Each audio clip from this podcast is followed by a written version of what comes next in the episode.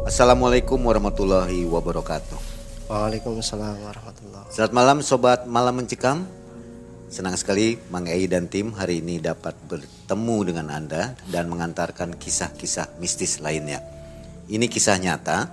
Mas Jen melakukan ritual ilmu Iya, yang dihasilkannya atau didapatkannya dari Facebook ya, sosial media. Jadi Mas Jen ini berawal dari keingintahuan dan ingin tubuhnya lebih kebal. Kira-kira seperti itu ya Mas Jen ya? ya untuk pembentengan badan diri. Karena pernah disakiti atau bagaimana tadinya? Pernah dibegal juga. Pernah dibegal. Jadi antusias ya pengen punya Iya. ilmu gitu. Dan akhirnya belajarlah Mas Jen lewat Facebook tersebut untuk mendapatkan ilmu kebal. Sayangnya ini adalah sebuah komunitas sekte ya yang ada banyak beredar di Facebook. Gitu ya Mas Jen ya? Ya, betul. Bagaimana kisahnya tentu saja menarik. Jangan sampai di skip videonya. Ini kalau di skip pasti nggak paham. Jadi sampai habis nontonnya. Kita kenalan ke Mas Jen dulu. Apa kabar Mas Jen? Ya, alhamdulillah baik, Bang. Terima kasih ya sudah mau berkisah di Iya. Malam Mencekam. Ngobrol-ngobrol dengan kita untuk memberikan sebuah info untuk menjadi renungan kita bersama. Iya. Mas Jen, apa nih aktivitas sehari-hari? Saat ini sekarang Zen masih aktivitas kayak bantu-bantu jualan kayak gitu karena anak buruh juga Kuliner maksudnya? ya kuliner Oke, mantap lah ya. ya Baik, kita dengarkan sampai tuntas kisah dari Mas Jen. Silakan Mas Jen.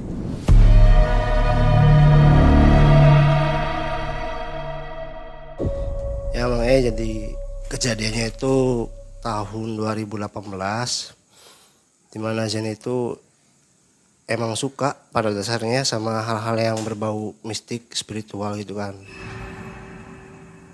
Kadang di sana itu sering kumpul itu sama anak-anak yang sering biasa kayak di hutan itu kayak cari hantu semacam kayak mediumisasi ke tempat-tempat yang istilahnya keramat lah. Dulu kan Zen pernah sempat dibegal juga mang tapi alhamdulillah selamat. Dan di situ Zen tuh apa ya sering wah gimana caranya nih kan? Supaya badan nih aman selamat gitu. Dan ditambahkan sering suka dapat panggilan keluar kota kan namanya kerja buruh nggak tetap ya emang ya. Jadi suka bolak balik kan kadang pergi malam pulang pagi gitu kan. Ya takut kan namanya keluar malam gitu kan emang jadi di situ tuh keluar niat supaya buat cari amalan yang buat ngejaga badan nge- ngebenteng diri gitu mang. Dan kebetulan di situ Zen tuh iseng cari di HP itu di kebetulan ikut juga di grup spiritual itu kan ikut beberapa grup. Dan di situ Zen tuh di grup membuka mata batin ada satu akun itu namanya Bunda Dewi Wirian. Dan beliau pun memberi suatu amalan itu untuk membenteng diri perlindungan diri. Dengan itu namanya itu amalan kobra. Dan setelah Zen baca kayaknya cocok nih mang buat Zen ya mang ya. Buat kan yang sering pergi keluar malam. Jadi di situ Zen tuh ada niatan buat beraniin diri itu untuk ngechat si bunda. Dan di situlah terjadi percakapan bun ini assalamualaikum bun. Mohon maaf mengganggu waktunya Zen itu ter- tertarik sama amalan yang bunda share di grup. Maaf nanya namanya siapa? Namanya Zen. Ya eh, Zen nanti ikutin apa yang bunda perintah apa yang petunjuk bunda kasih berikut tawasul dan juga tata cara untuk semedinya itu bang. Itu tanpa biaya ya? tanpa biaya. Gratis semuanya. gratis bang nah seiring berjalannya hari terus menurut bunda itu sudah waktunya. Dan ayo Zen sekarang sudah waktunya Zen dipraktikkan ilmunya tawasulnya itu. Prosesnya berapa lama sampai bisa? itu menurut bunda itu tujuh hari. Dan dilakukan pada saat jam 12 malam. Sebelum tawasul itu di, diwajibkan diharuskan Zen itu harus wudhu sholat hajat dua rakaat ada tawasulnya itu dikasih sama nanti semedi dan Nanti kalau misalkan anak-anak didik bunda yang lain termasuk Zen kan emang ya. Nanti si bunda itu patroli, kontrol itu. Itu patrolinya itu di di alam goib. Jadi terpantau semua anak didiknya itu. Nanti yang istilahnya sudah agak-agak melenceng nanti dilurusin nanti sama si bunda itu. Itu amalannya menurut ajaran Islam Ya, bahasanya atau bahasanya kata-katanya? betul. Jadi nggak curiga di situ ya, belum Di curiga. situ belum belum curiga. Nah selama waktu hari pertama itu ada angin gemuruh gede kenceng sama ada kayak suara kayak ngelempar batu di atas genteng itu peletuk peletuk peletuk peletuk gitu kan nah pas di hari kedua itu sering mimpi mang. Mimpi semacam kayak sering kayak ngelihat di dalam mimpi itu sering ketemu kayak bisa ngelihat hantu kayak gitu mang. Sensitif ya.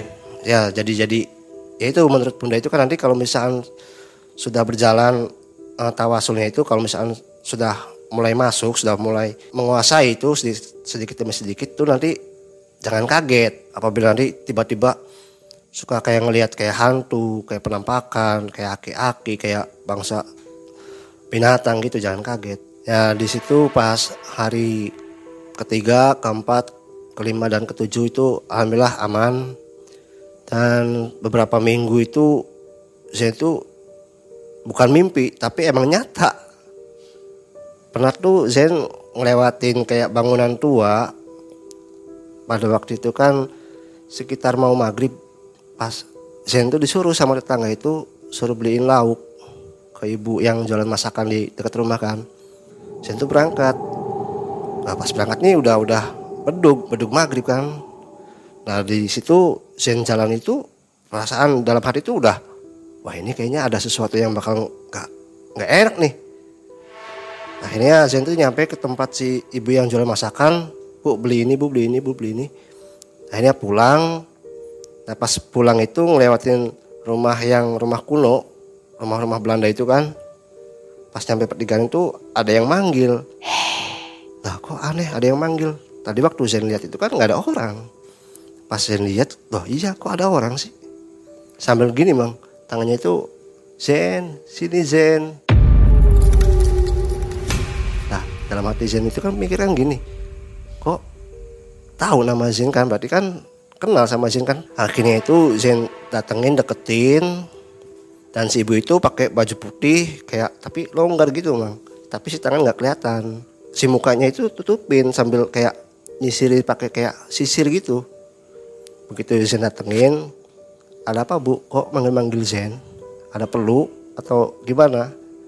Pas begitu Zen deketin si ibu tuh diem terus. Sempat beberapa menit sih diem tapi pas begitu Zen tunggu akhirnya si ibu itu si rambutnya itu di dibuka kasih lihat mukanya itu sama Zen sambil disodorin ke depan.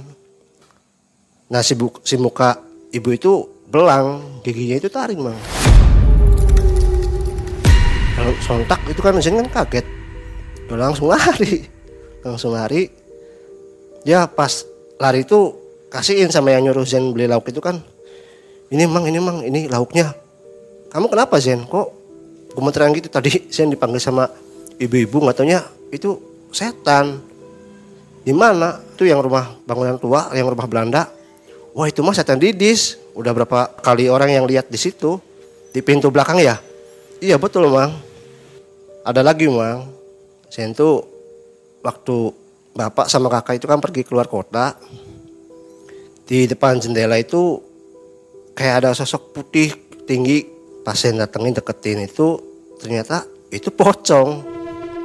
Ya emang emang ada perasaan takut tapi Zen beraniin diri. Punten eh, kamu itu jangan di sini.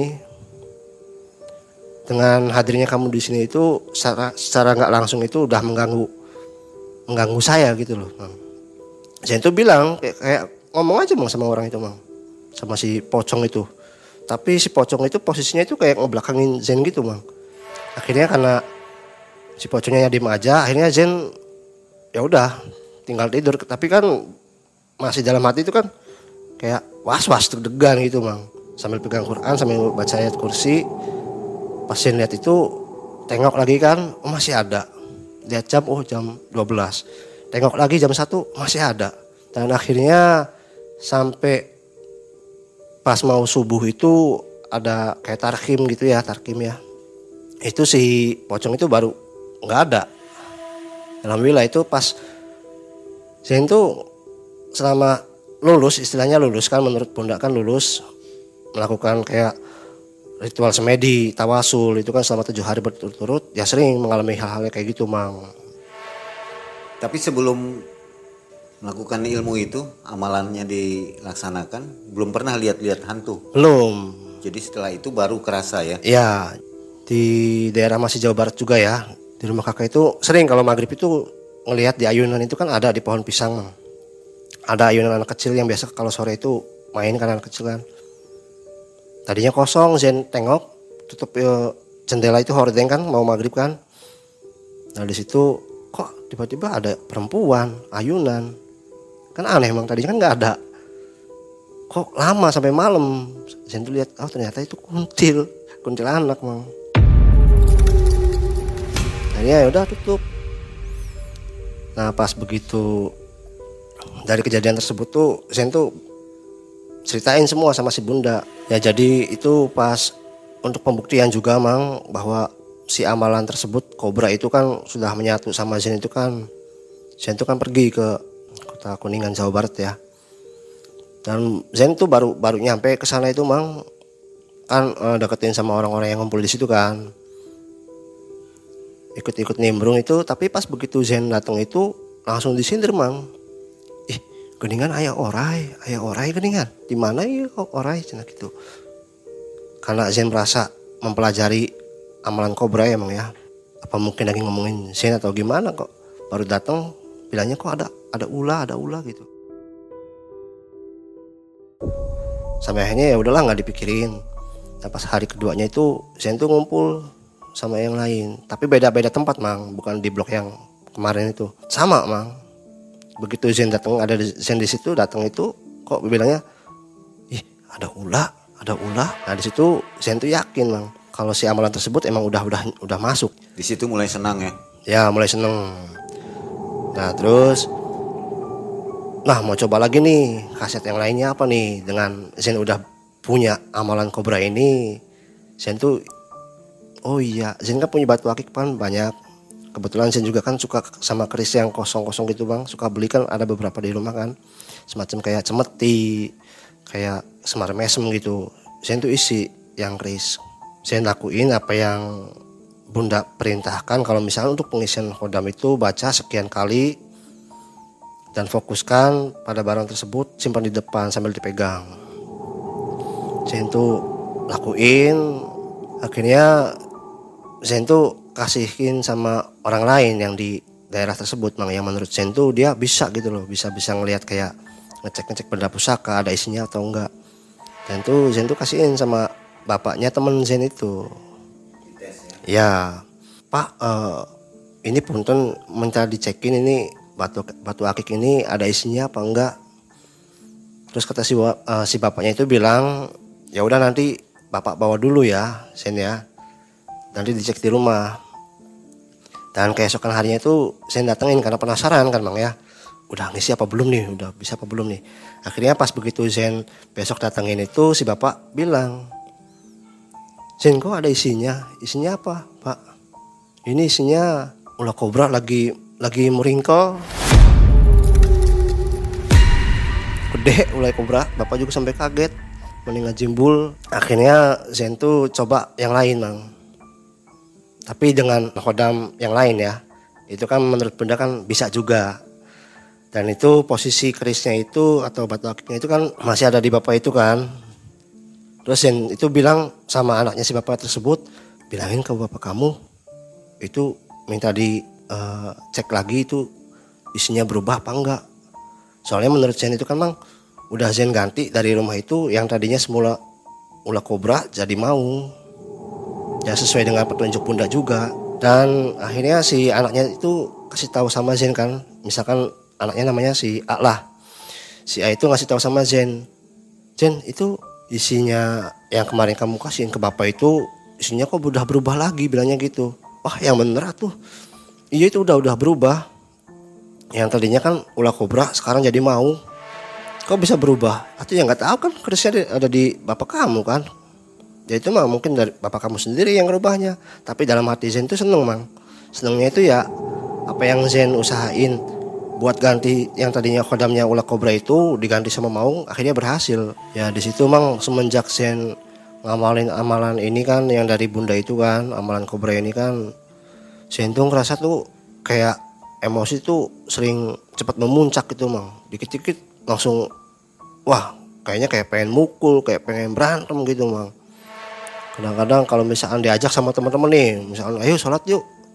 Ayo ikut pengajian yuk ke sana yuk. Di situ Zen tuh badan tuh kayak berat kayak males. Ada aja yang ngalangin tuh. Istilahnya di dalam hati tuh dah kamu jangan. Dah mending kamu gini kayak gini kayak gini. Nah, selalu ada aja mang. Bisikan kayak gitu mang. Selama kalau misalkan mau diajak dalam kebaikan kayak gitu tuh mang. Terus kalau mau biasanya kan rutin kalau sholat malam itu kan. Nah semenjak ngamalin itu kan udah. Sama sekali enggak jauh. Drastis. Drastis itu terus juga sama rezeki sama itu juga biasanya kan lancar mang. Nah itu juga berpengaruh juga mang. Yang tadinya sehari bisa dapat lumayan sekarang mah udah turun drastis sekarang mah terus sama kalau komunikasi sama perempuan gitu kan suka gampang tapi sekarang mah kayak cewek kalau ketemu Zen tuh kayak apa sih kayak acuh gitu bang beda loh bang jadi Zen tuh ngerasa wah kayaknya amalan ini nih nggak cocok nggak cocok nih ditambah sama Zen pernah mimpi mang. Pernah mimpi itu Zen tuh kayak naik ke bukit ya uh, kayak bukit mang pakai motor itu kan. Jalan tuh kayak terjal bisa mang ke atas tuh mang. Dan untuk sampai ke atasnya itu tuh kayak apa ya kalau orang Jawa itu bilang ngeden mang. Oh susah. Dan akhirnya tuh setelah bersusah payah kan nyampe juga tuh di di atas. Tapi di atasnya itu kayak semacam kayak ada orang hajatan mang. Di situ banyak orang ya nah terus nggak tahu dari mana tapi banyak uh, banyak kayak pasukan perempuan bawa pedang mang nah orang-orang yang ada di situ tuh semuanya dihabisin sama pasukan perempuan berpedang itu kan. Ada yang tangannya diputus, ada yang kepalanya diputus, ada yang kakinya dipedang gitu. Akhirnya kan karena Zen takut, akhirnya Zen itu inget sama oh iya mungkin ini saatnya Zen pakai amalan ini. Ingat, oh, ingat pesan bunda kan. Dan emang di kamar itu ada ada suara tapi nggak ada rupa mang di situ mang. Dan suaranya itu, eh kalau kamu misalkan butuh saya baca tujuh kali tapi kamu sambil nyembah ke saya sambil nyembah gini mang ya duh nah pas ada suara itu udah udah selesai dari balik tembok itu tiba-tiba nongol kayak siluman ular kobra gede mang nah inilah diri saya yang selama ini kamu amalin inilah diri saya yang selama ini kamu baca.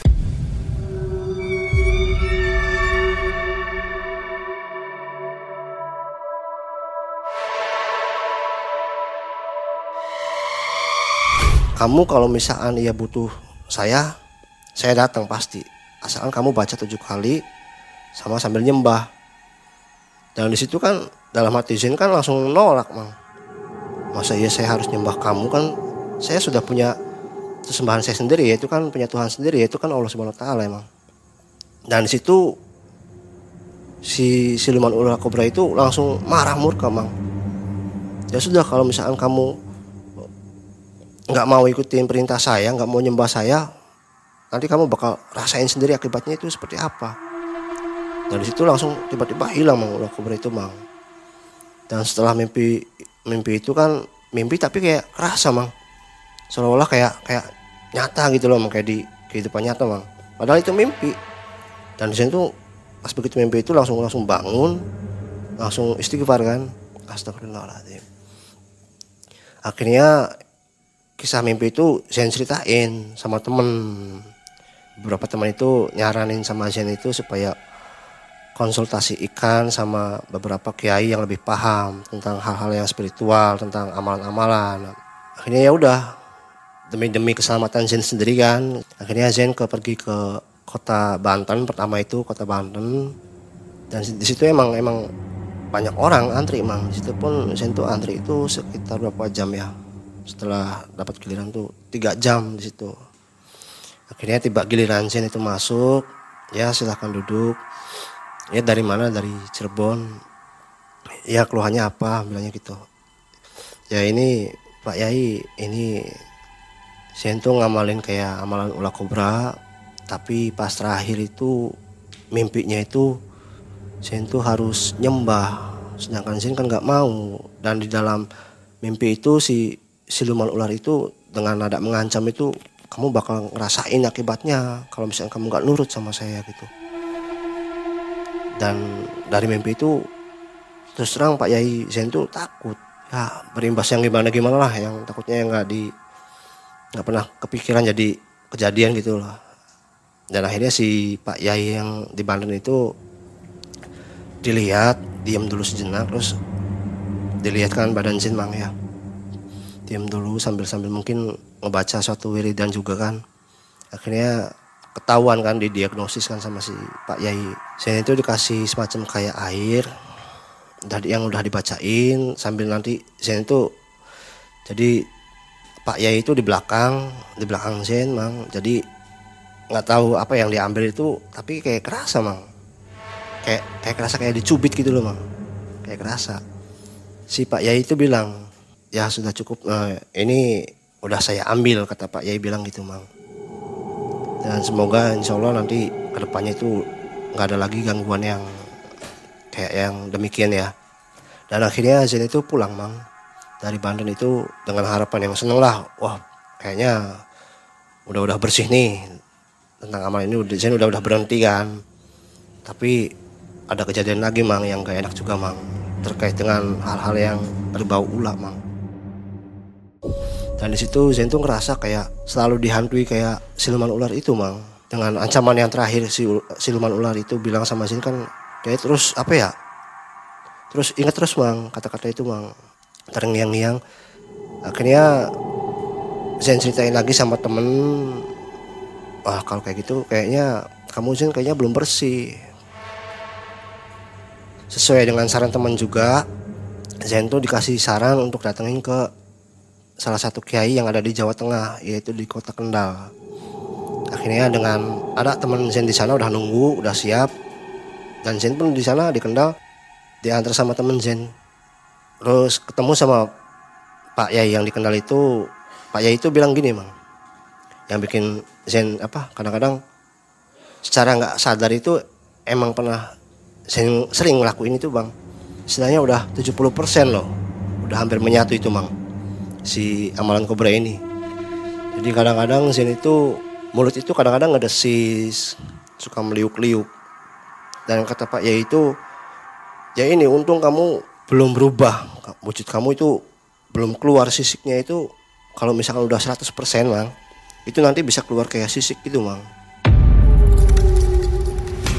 Jadi badannya itu nanti kelihatan kayak sisik kayak ular kobra itu Mang.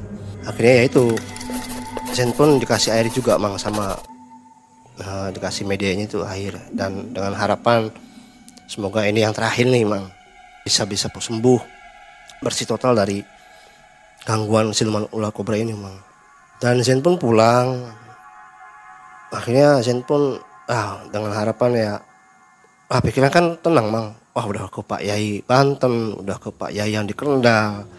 Wah ini mah udah bersih lah. Alhamdulillah udah bersih kan yakin mang. Tapi pas begitu ke kuningan di rumah kakak itu saya itu secara kebetulan mang mungkin mungkin udah jodohnya kali ya.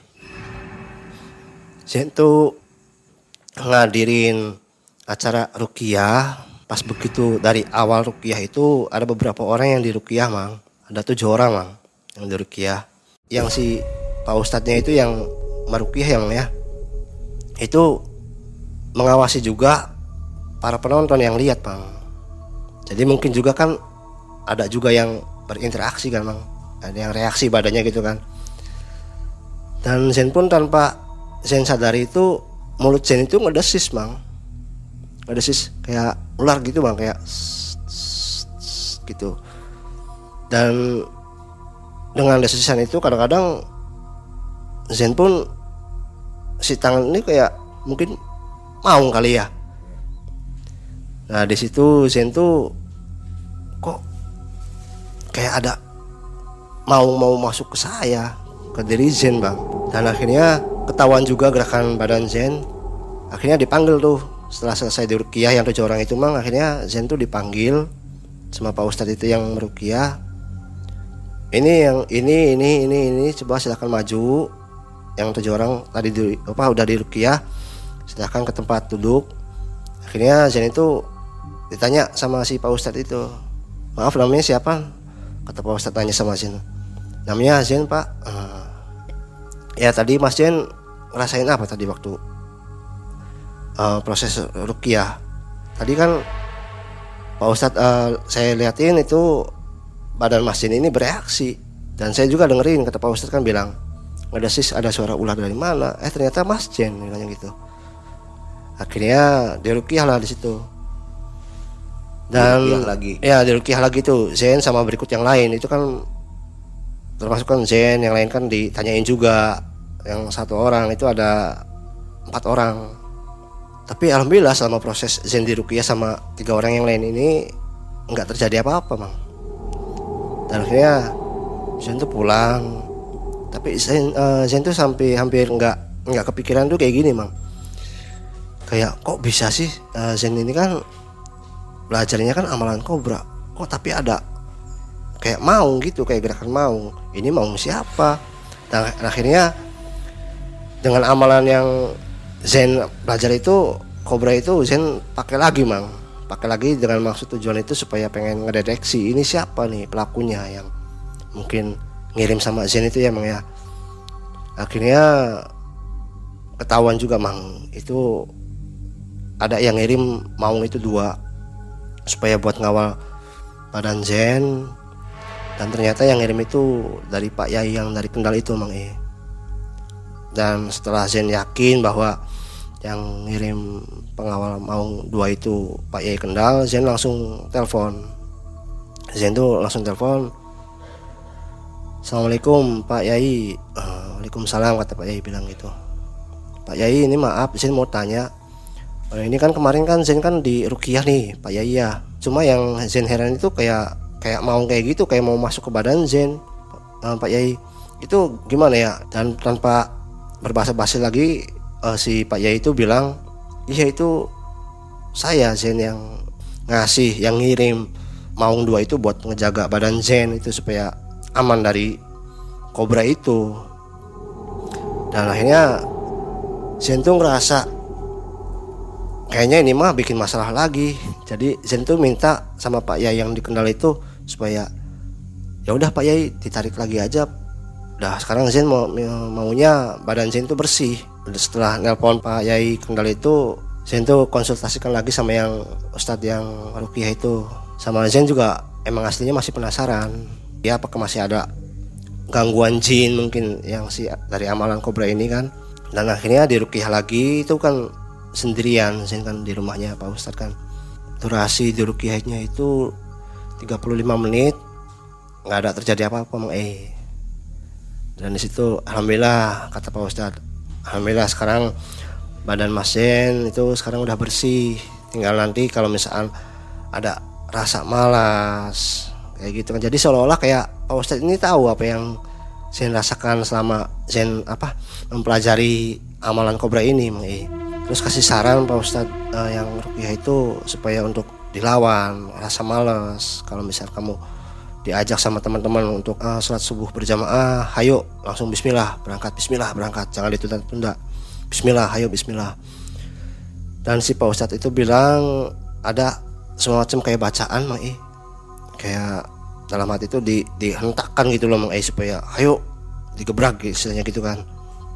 Akhirnya ya sudah di situ kan Zen kan tenang loh di, udah di Rukiah E pulang tidur. Jadi setelah di Rukiah setelah ke Kiai Banten setelah ke Kiai yang di Kendal itu istilahnya udah jarang eh udah malah nggak sama sekali kayak ngelihat makhluk halus kayak yang dulu itu kan pocong kayak setan didis kayak kuntilanak udah udah nggak kejadian lagi. Tapi pernah ngalamin lagi itu kayak ngelihat benda lain tapi bukan bukan berupa kayak binatang kayak bukan berupa pocong kunti atau apalah yang lainnya tapi berupa kayak benda pusaka tapi terbang mang e. Itu kan Zin kan di rumah kan bangun jam 2 karena di situ kan di WC-nya itu kan gelap.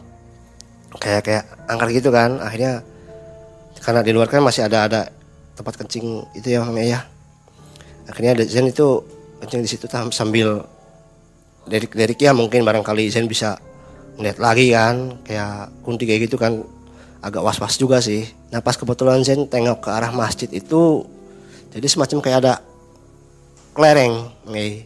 Jadi si kelereng itu terbang dari barat ke timur tapi si kelereng ini terbang itu sambil kayak apa ya kayak kelap klip kayak kelap klip gitu Mang E. Jadi itu terbangnya itu bolak-balik itu lumayan lama Mang E dan karena di masjid itu kan banyak kejadian kayak sering penampakan kayak gitu Mang E jadi pas kebetulan Zen mau ambil tapi di situ ada orang yang tidur ngalangin halangan Zen kan mau lewat kan. Dan akhirnya Zen tuh bangunin orang yang tidur di masjid itu supaya buat nyaksiin juga apa yang Zen lihat itu dia juga lihat. Tapi pas begitu orang yang tidur tadi Zen bangunin itu pas begitu bangun pas Zen lihat ke masjid itu kok udah nggak ada kelerengnya ke mana? Nah pas Zen tanya sama yang Zen tadi bangunin itu ya waduh kamu kalau misalkan e, berani mah sama kamu diambil itu bakal jadi rezeki buat kamu katanya bilang gitu.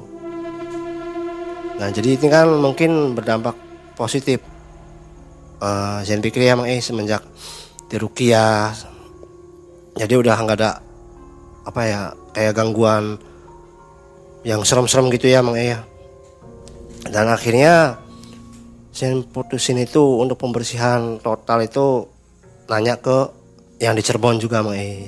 Dan alhamdulillah udah-udah bersih total. Dan diobatinya itu Zen itu suruh mandi air tujuh sumur. Ya mandinya itu juga dibimbing itu kan selama beberapa hari. Dengan dengan bacaan yang dipandu sama Pak Yai kan. Itu gimana nasib bundanya? masih masih komunikasi cuma Zen itu bilangnya itu masih Zen itu berbohong cuma ya itu atas saran teman Zen itu supaya jangan udah kamu mah nah, jadi kalau tanya sama bunda udah kamu nggak usah bilang berhenti tapi kamu bilang aja masih ngejalanin bilang gitu.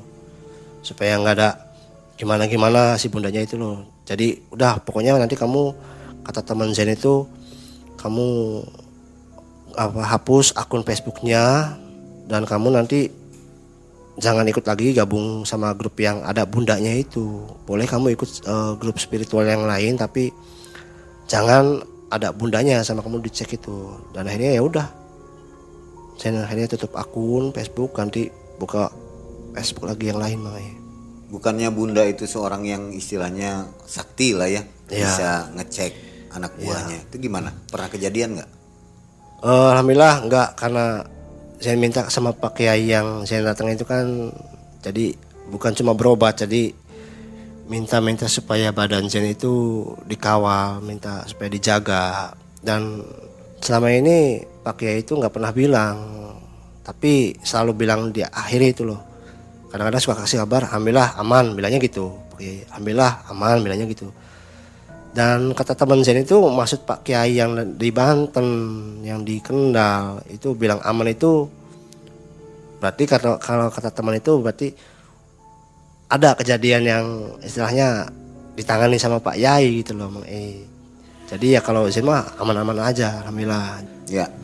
Jadi eh. tadinya pengen punya ilmu, setelah ya. punya ilmu sekarang malah dibuang. Iya, eh. Karena efeknya tadi ya. Iya, itu malah sama cepet emosi jauh sama rezeki sama orang-orang yeah. yang sekitar juga jadi malas kayaknya acuh tak acuh sama sen itu mah eh waktu itu udah punya istri belum belum Masih Dan emang bujangan ya? ya masih bujang. Sekarang pun masih bujang. Eh, Oh sekarang masih? Masih. Jadi lagi nyari juga nih. Al- tapi alhamdulillah calon udah ada. Oh, udah ada. Ada ada. Alhamdulillah. Kira-kira ini pesan kebaikannya untuk penonton malam mencekam apa nih dari kisah ini menurut? Ya kalau dari Zen buat teman-teman malam mencekam ya. Jangan coba-coba buat belajar dari medsos atau istilahnya gurunya jauh. Jadi harus benar-benar gurunya itu ada. Dan kita itu kalau misal belajar itu harus datang langsung, jangan kayak Zen itu kan iya bertemu muka, jangan jangan istilahnya wah saya pantau dari jauh kayak bunda yang tadi Zen ceritain itu Mang Eh. Jadi harus benar-benar ditangani langsung. Jadi kalau menurut Mas Jen si Bunda ini alirannya apa ya? Kalau menurut Zen itu dia ya saya katakan itu mah ilmu hitam lah Mang Eh. Hitam lah ya. Hitam Cuman bisu- dibalut dengan Islam tadi. Iya, dengan dengan bacaan-bacaan dan akhirnya itu kan kata Pak Yai juga kan. Wah, ini tawasul kan betul nih. Cuma yang terakhirnya itu loh Mang Eh. Ada ada satu kalimat itu kepada seluruh penghuni penghuni alam goib saya minta bantuannya supaya niat saya terwujud ter- atau ter- terkabul Mang E. Nah di situ kata Pak Yai yang dari Banten Kendal yang Pak Ustadz yang meruki Hazen itu sama yang di Cirebon itu ya ini nih ini yang bikin kamu nggak benernya ini nggak tawasulnya ini Ya, salah ini Kata-kata itu ya. ya kata-kata yang tadi jadi kan semua penghuni alam goib kan jadi yang negatifnya itu kan banyak yang nempel Saya nggak mendengar tadi apa namanya dites ilmunya dengan berantem atau dengan istilahnya bertengkar dengan orang-orang. Enggak, Nggak ada ya, nggak ada pengalaman. Alhamdulillah. Selama saya ngamalin amalan tersebut, amalan kobra ya mm, belum pernah dan nggak pernah terjadi padahal pengen sih ngarepin kayak pengen dibegal lagi kayak dulu supaya tes nih Iya. supaya apa amalan yang sin beli yang sin amalin ini yang sin punya ini bener-bener emang bisa buat ngebenteng diri gitu loh Bang. eh tapi ya belum pernah Ya. Ya, semoga janganlah sudah, janganlah Mang Eh lah sudah ngerasain gagah nih ya. Ya waktu-waktu punya mah emang, emang, kuat wah, lah pokoknya. berani pede sama siapa pun cuma ya itu Efeknya ya. efeknya mang eh Oke, baik. Nah, sobat MM itu kisah nyata dari Mas Jen. Ternyata menuntut ilmu tanpa guru, tanpa Ya, bertatap muka itu bahaya sekali ya. bahaya betul. Bisa sesat ke mana-mana tuh. Iya betul. Yang didapat bukan untung malah rugi. malah rugi Betul ya. ya betul Sempat berapa tahun itu tadi? lumayan juga lama tiga tahun Ya. Nah, pesan kebaikan untuk Anda untuk direnungkan. Jadi jangan asal ambil ilmu, ya betul apalagi melakukan pesugihan ya. Itu lebih berat lagi itu. ya Sayangnya di ilmu yang ini bukan untuk kekayaannya. ya bukan tapi untuk ngebenteng Ya, ya khusus ngebenteng untuk diri apa namanya jagoan-jagoan lah ya. ya Seperti itu. Baik, sobat MM, mudah-mudahan kisah dari Mas Jen ini menambah info untuk kita semua, Ya, wawasan dan menjadi renungan untuk kita juga. Dan jangan lupa bahwa goib itu ada, Ya, maka betul, ada. tingkatkan iman kita kepada Allah Subhanahu wa taala. Akhirnya mengai Mas Jen dan Ya. tim undur diri. Assalamualaikum warahmatullahi wabarakatuh.